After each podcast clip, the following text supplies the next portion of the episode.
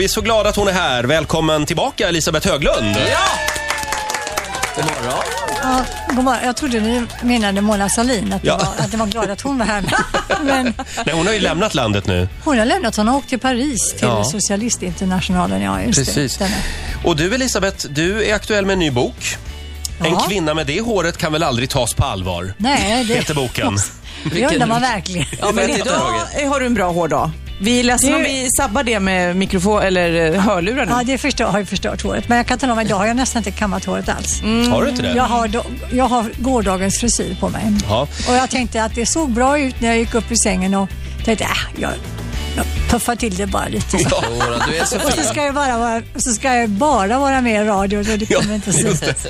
det. Ola, Ja. vi, vi har en liten test vi ska göra med Elisabeth om en stund. Ja, det är lite frågesport. Eh, Ska jag säga vad den heter? Nej, vi, vi håller på spänningen här. Ja. Vi är så glada att hon är här, Elisabeth Höglund. Eh, Ja, som ja, väl kanske inte behöver någon närmare presentation. Och jag, Säg hår så räcker det. det är lite roligt med, med att många pratar frisyr med dig, men även med Lars Adaktusson som faktiskt gick lite parallellt med dig. Han får ju också leva med sin frisyr. Jag först- och jag förstår inte det för han är ju den prydligaste man kan tänka sig. Så slätkammad har jag ju aldrig varit. Men du Elisabeth, jag läste, eller hörde dig på TV där, där du pratade just om allt det här som har sagts om, om ditt hår. Att eh, du blev otroligt kränkt när Babben Larsson gjorde en parodi på dig. Det gillade du inte. Nej, alltså, jag blir så överraskad över att jag, mitt hår kunde vara så intressant. Och jag tycker det är lite tråkigt när man har jobbat som journalist i 40 år och gjort en del bra grejer och sen det enda man uppmärksammas för det är vilken frisyr man har. Då känner jag att vad är det för mening med livet ungefär? Liksom. Fast är det inte bara att du har ett väldigt starkt varumärke? Det är lätt att Jo. komma ihåg och Ja. tänka på dig. Jo, men jag tror att eh, många inte vet vad jag har gjort under resans gång under mitt liv och inte ens de senaste tio åren. Och många som kommenterar mig har, tittar inte ens på nyheter och sådär och har inte gjort De kanske kolla, då. kolla på Let's Dance. Och, ja, Let's Dance kollar de på och, och, och så kollar de på nätet då. Va? Men eh, net, så att Let's Dance, jag har väl aldrig fått så mycket nya unga supporters som under Let's Dance. Nej, just det. Och att, och jag, jag har många unga kill- killar och tjejer de är under 20, 15 år. Jag hade ingen aning om att hon fanns överhuvudtaget. Men vi kan alltså berätta det att Elisabeth Höglund har eh, jobbat som inrikespolitisk eh, reporter och kommentator. Ja, På Sveriges bland Television. Annat, bland Mm. annat ekonomi, arbetsmarknad och korrespondent och allt möjligt. Korrespondent i Bryssel var du Ja. ganska länge. Men det, sa det skriver du i boken att det var lite eh, för att bli av med dig som man satte dig i Bryssel. Ja. Jag hade de misstankarna, ja, och jag har de misstankarna fortfarande. att, eh, att det ibland, ibland, alltså korrespondentjobb, det, det är ett väldigt fint jobb ge- ge- generellt. Eh, men sen eh, kan det vara olika skäl till att man får bli korrespondent. Eh, det kan bero på att man är väldigt duktig och man vill bli, bli uppmärk- att man, man vill, man, cheferna vill ge en en belöning. Men det kan också vara så att, ah, den där bråkmakaren, honom måste vi göra oss av med alltså. Det var lite som de gjorde med Margareta Winberg, satte henne som ambassadör i Brasilien. Långt Bara bort i Brasilien. henne. Ja. jag vet inte om det var det. Det, det sägs ju det. Va? Men, men eh, hon trivdes ju väldigt bra där å andra sidan. Och du trivdes i Bryssel? Ja, det, alltså, det var ju tungt att jobba där men det hände ju mycket och, och eh, så att jag säger inte, jag vill gärna inte, jag vill inte ha den tiden ogjord. Nej. Du hade ju också en teori här i boken om att eh, det fanns vissa tv-chefer som gärna skulle vilja se dig naken Eh, för att få upp tittarsiffror. ja, det var på TV4, det var på förkväll. Eh, ja. Vill, vill de att du skulle vara naken? Nej, det var en kvinna, jag har inte namngivit henne i boken, men hon jobbar Men vi kan göra det nu. Ja. Nej, jag vill, jag vill inte det faktiskt. Men, men jag skriver i boken, det var en, en, en chef på Titan, produktionsbolaget Titan, som sa då inför vår första sändning på, det var någon gång i början på januari då, Ja. att åh, nu måste ni göra någonting. Nu måste ni verkligen se till att, att ni syns och klä av er nakna eller gör vad som helst bara vi syns. Och då kände jag liksom, vad är det för panik? Ja. Ska vi verkligen behöva ta sig naken? Och det är verkligen ingen... Och det vill jag påstå, det vill jag säga till tittarna att var glada för att jag inte gjorde det. Sen, eh, du är väldigt öppenhjärtig i den här boken. Du talar ju ut också om din relation till andra kollegor, journalistkollegor på Sveriges Television. Till exempel Mats Knutsson. eh, som också är politisk reporter ju, på Sveriges Television. Jag, jag talar om Mats Knutsson i mycket berömmande ordalag för att han, var, han är en mycket duktig journalist. Men ni klickade aldrig riktigt?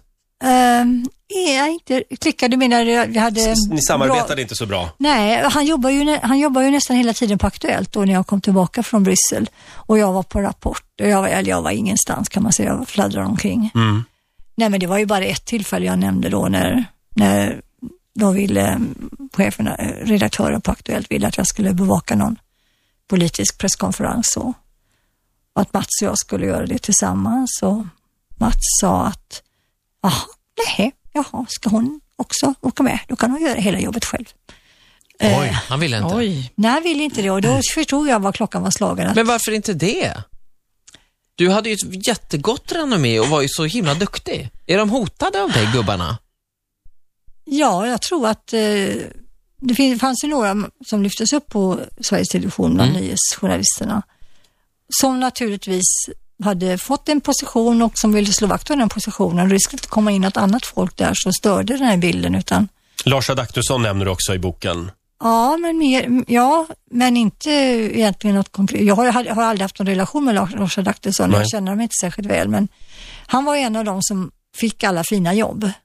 Så, som var, verkligen var en, en påläggskalv eh, och eh, han hade väl tre korrespondentjobb innan, innan han lämnade då företaget. Eh, obegripligt nog. Och han var ju väldigt duktig, men han var ju också kontroversiell. Han gick till TV8 sen, som han ju har lämnat nu. Som han ju har lämnat nu. Jag ja. undrar lite, eh, hela den här, om man tittar tillbaka på hela förkvällscirkusen med alla de känslorna som var och hur det slutade. Men var det någonting när du ser tillbaka på den tiden som du tyckte var riktigt kul? Ja, oh ja. Alltså det säger jag i boken, du kanske inte kommer till den sidan, sidan än, men det var ju faktiskt, jag, jag fick ju göra väldigt mycket intervjuer då, naturligtvis då med kändisar va? och det låter ju lite tråkigt, men det var ju fantastiska, män, trevliga människor jag kunde möta och jag kunde sitta och intervjua dem i 10-15 minuter. Eh, och det var väldigt roligt och det var, jag, jag menar jag, jag För, var, för jag, det känns som ett snäppet ytligare Ja, det- program än vad du har ja, sysslat med tidigare. Det, lite ytterligare, men jag menar inte att man, det ska man kunna göra också. Jag menar om man intervjuar en artist eller en författare eller en, eller en um, skådis eh, eller en journalist. Det, det behöver ju inte bli ointressant eller dåligt bara för att det är lite, lite lättsammare. Utan de har ju en historia att berätta oftast och kan du få de här personerna att, att verkligen öppna sig och berätta sin historia, då är det en fantastisk upplevelse. Så att jag säger inte att jag bara måste intervjua Fredrik Reinfeldt och um, sådana här allvarliga personer, Nej. utan, utan jag menar, som intervjuperson så duger de flesta. Det handlar ju om hur man gör, vad man gör den här intervjun till. Jag skämdes inte alls för de här intervjuerna och att det var kändisar. Jag tyckte tvärtom att det var ett väldigt roligt jobb. Hörrni, 12 minuter före nio är klockan. Elisabeth Höglund gästar alltså Riks Morgonzoo, aktuell med, med ny bok. Eh, vi hade Thomas Sjöberg här i fredags, apropå eh, Mannen böcker. bakom kungaboken. ja. Just det. Han har en fråga till dig. Kommer här. Jag skulle vilja veta hur hon mår efter att ha varit en av de mest uppburna politiska reportrarna i Sverige. Plötsligt eh, finner sig stå i kylan, eller hamnar i kylan och eh, kämpar för att få tillbaka ett jobb. Det, det, hur, det, hur känns det? Det skulle jag vilja veta. Jag kan bara först säga, jag undrar Thomas, hur mår du själv? Efter att ha blivit så uppburen. Hon är ju så... Det kanske är därför han frågar. För att, Ja. Han kanske, vi kanske ska ge varandra lite råd. Ja, Ja. kanske. Nej, jag mår rätt så bra faktiskt. Jag, jag har hämtat mig från eh, det här, men det ligger någonting i det han säger att, att um, uppburen och uppburen, det, kan, det tycker jag, jag kan inte säga att jag har varit uppburen direkt. Tvärtom, jag har fått kämpa väldigt hårt för att vara kvar på den position jag har haft.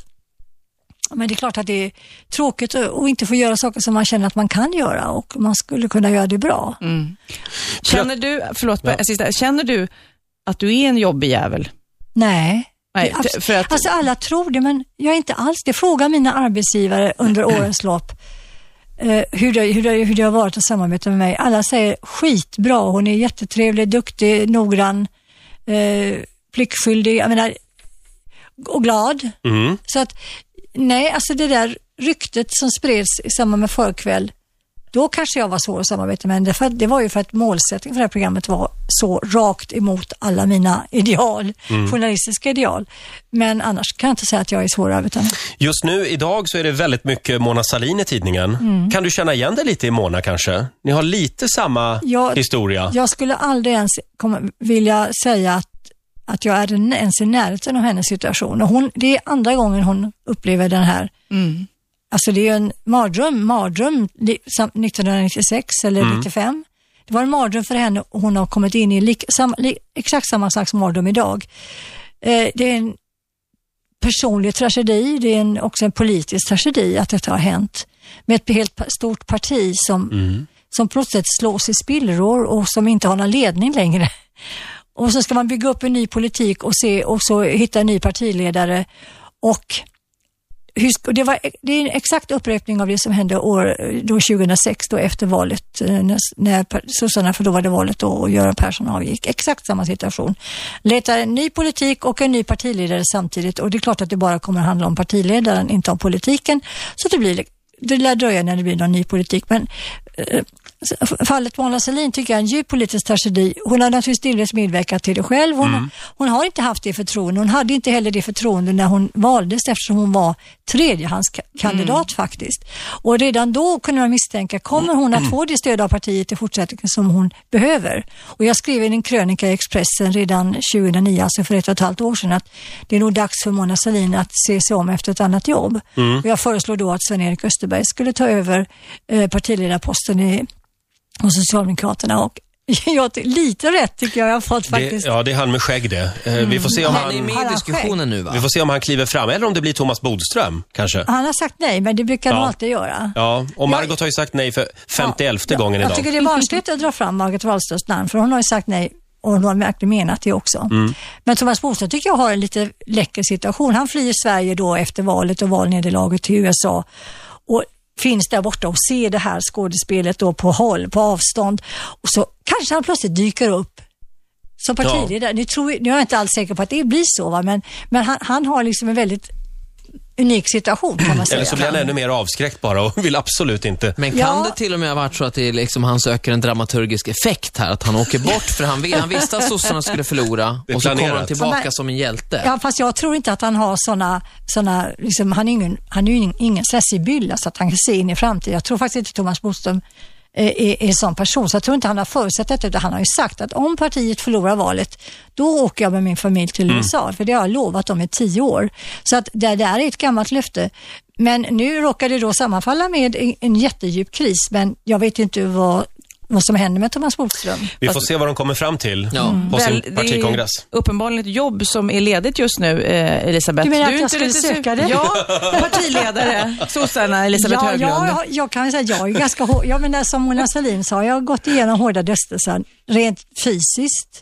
Så skulle jag nog klara fysiskt med. Jag skulle, Jo, skulle jag nog klara av Då är det men- bara det politiska kvar. Ja, den li- lilla detaljen kan man väl fixa. Man kan väl skaffa sig en bra rådgivare. Det är klart vi fixar det. Ola, Ja, nu ska vi leka lite. ska vi leka nu? Ja, det tycker jag vi Eh, gör. Okej, vi vet ju Elisabeth att du älskar frågesport Ja, och du älskar även att måla. ja. Och eh, när du målar men inte så må- samtidigt. Nej, nej, precis. Man måste ju hålla isär de intressena. När du målar så målar du gärna träd. Ja. Ja. Jag är, Så här ja, långt har jag haft rätt på, ja, på, det kan man säga. i min research. Men jag har, det är mer än träd, det är också mycket ljus. Det är nu, nu, numera också. Ja, fast vi ska stanna vid träd här. Okej, Eh, Förlåt, har du något favoritträd, Elisabeth? gran.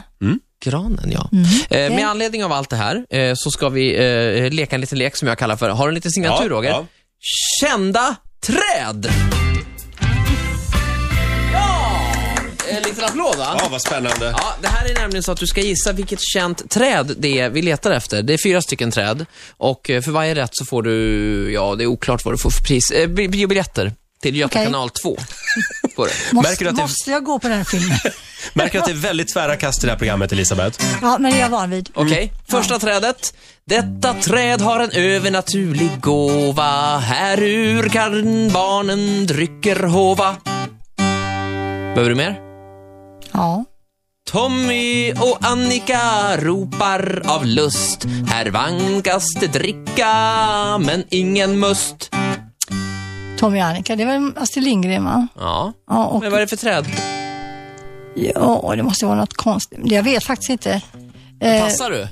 eh, jag säger att det är en lögn. Men jag, jag vet faktiskt inte. Det är sockerdricksträdet i Pippi. Kommer Ja, jag visste att det skulle vara något så här konstigt. Alltså. Utanför Det, Villa hänger Villekulla. flas- det hänger flaskor på grenarna. va? Just det, ja, precis. Ja. Ja, eh, vi går vidare. Träd nummer två. Detta stora och gamla träd är också en symbol för kapitalismens högborg och deras svulstiga svål. Ja, alltså Yggdrasil finns ju ett företag som ägs eller ägdes av Erik Spencer. Oj. Och Yggdrasil är ju en ask, men eh, det kanske är för intelligent svar. Jag tror du ska tänka lite mer folkrörelse. Mer folkrörelse. Mm. Eh, ek då? Ja, kanske. Sparbankseken. Ja, det är rätt! Elisabeth! Åh, jag har räddat min ära än så länge. Du har en biobiljett till Göta kanal 2. Eh, nästa då här då. Dessa kan tala, odla skägg och springa. Möter man ett ska man till Gandalf ringa. Gandalf. Ja. Oerhört märkligt test det här Jag jag. improviserar Jag alltså. tycker det var en väldigt svår tävling det här. Men Ja. Gandalf och alltså...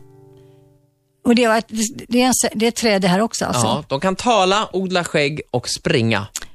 Ja, tala har jag aldrig hört. Har du ett sett Sagan om ringen? Nej, har inte det. Nej, det- det är kanske en förutsättning Ja, då är det Ja, svårt. Alltså, ja, det är för kvalificerat alltså. V- Vad är rätt ja. svar, Ola? Äntarna heter de ju, de här träden i... Du Ja, hade inte men sett det är filmen, inget så. riktigt träd. Alltså, Nej. jag har aldrig hört talas om att det finns ett trädslag som heter Eh, Jag är på änta. din sida, Nej. Elisabeth. Ja, det Elisabeth, känns som en jättekonstig lite tävling. oschysst, ja. Det är något Elisabeth konstigt. börjar nu ifrågasätta reglerna här. Men eh, den här tror jag kan. Ekorr satt i granen, Ja, men- men var hoppade han sen? Eh, Ekorr satt i granen, skund, vill, vill, ville sk- skålla kotta. Och sen hoppade han Sen till... hoppar han till, till tallegren. Ja, till tallen! Ja, Det till tallen. Nu har du två biljetter. Tall vi sökte alltså. Eh, Tall, ja. Är det slut nu, Ola? Sista. Jaha. Sista här nu, Elisabeth, den här tar Mm. du också. Hallå, hallå, jag tänker Umeå. Björkar. Tre rätt! Tre av fem, ja det var... Roger, succé. Det här var jättebra. Jag vill bara säga Ja. sockerdricksträdet, då ligger sockerdrickan i hålet i stammen. Så Aha, så var det. Så var det. Ja, Kom jag på. Rätt ska vara rätt. Elisabeth, imorgon så kommer Uno Svenningsson och eh, eh, bandet Fredag på besök. Ja. Har du någon fråga du skulle vilja ställa till dem? Ja, faktiskt. Uno Svenningsson och Irma Schultz var ju med i Melodifestivalen för, var det tre år sedan? Ja, något sånt, riktigt. ja. Och då, eftersom det finns platser kvar i Mm. tävlingen tror jag, så undrar jag då om han är intresserad och om han har blivit tillfrågad att vara med den här gången också. Just det, och hela bandet kanske? Ja, och det kan ju bara bli ja eller nej på den frågan, så det är, ett, en- det är ju en enkel fråga. Just det. Ja, Hör men det? samtidigt så är det intressant att veta om han är bränd och var med en gång och det inte gick så bra. Då kanske man blir lite bränd. Vi, vi Hur kollar det. många, hur många har inte varit med i i Melodifestivalen och blivit brända och kommit tillbaka Ja. igen? Jag känner några stycken. Vi hörde att du är på gång nästa år. Oj, Nej, har nu ska hon bli partiledare. Ja, just det. Ja, fast en, partiledare, en sjungande partiledare är väl inget fel? Nej, och nej, är man nej. med i Melodifestival då har man ju en jättepublik. Kör Elisabeth. Absolut, Ja, kör bara. Bra kombination. Jag vet bara inte hur jag ska kunna klara uppdraget. Du får en applåd av oss. Tack så mycket Elisabeth. Tusen tack och lycka till med boken också. Ritzmorgonzoo!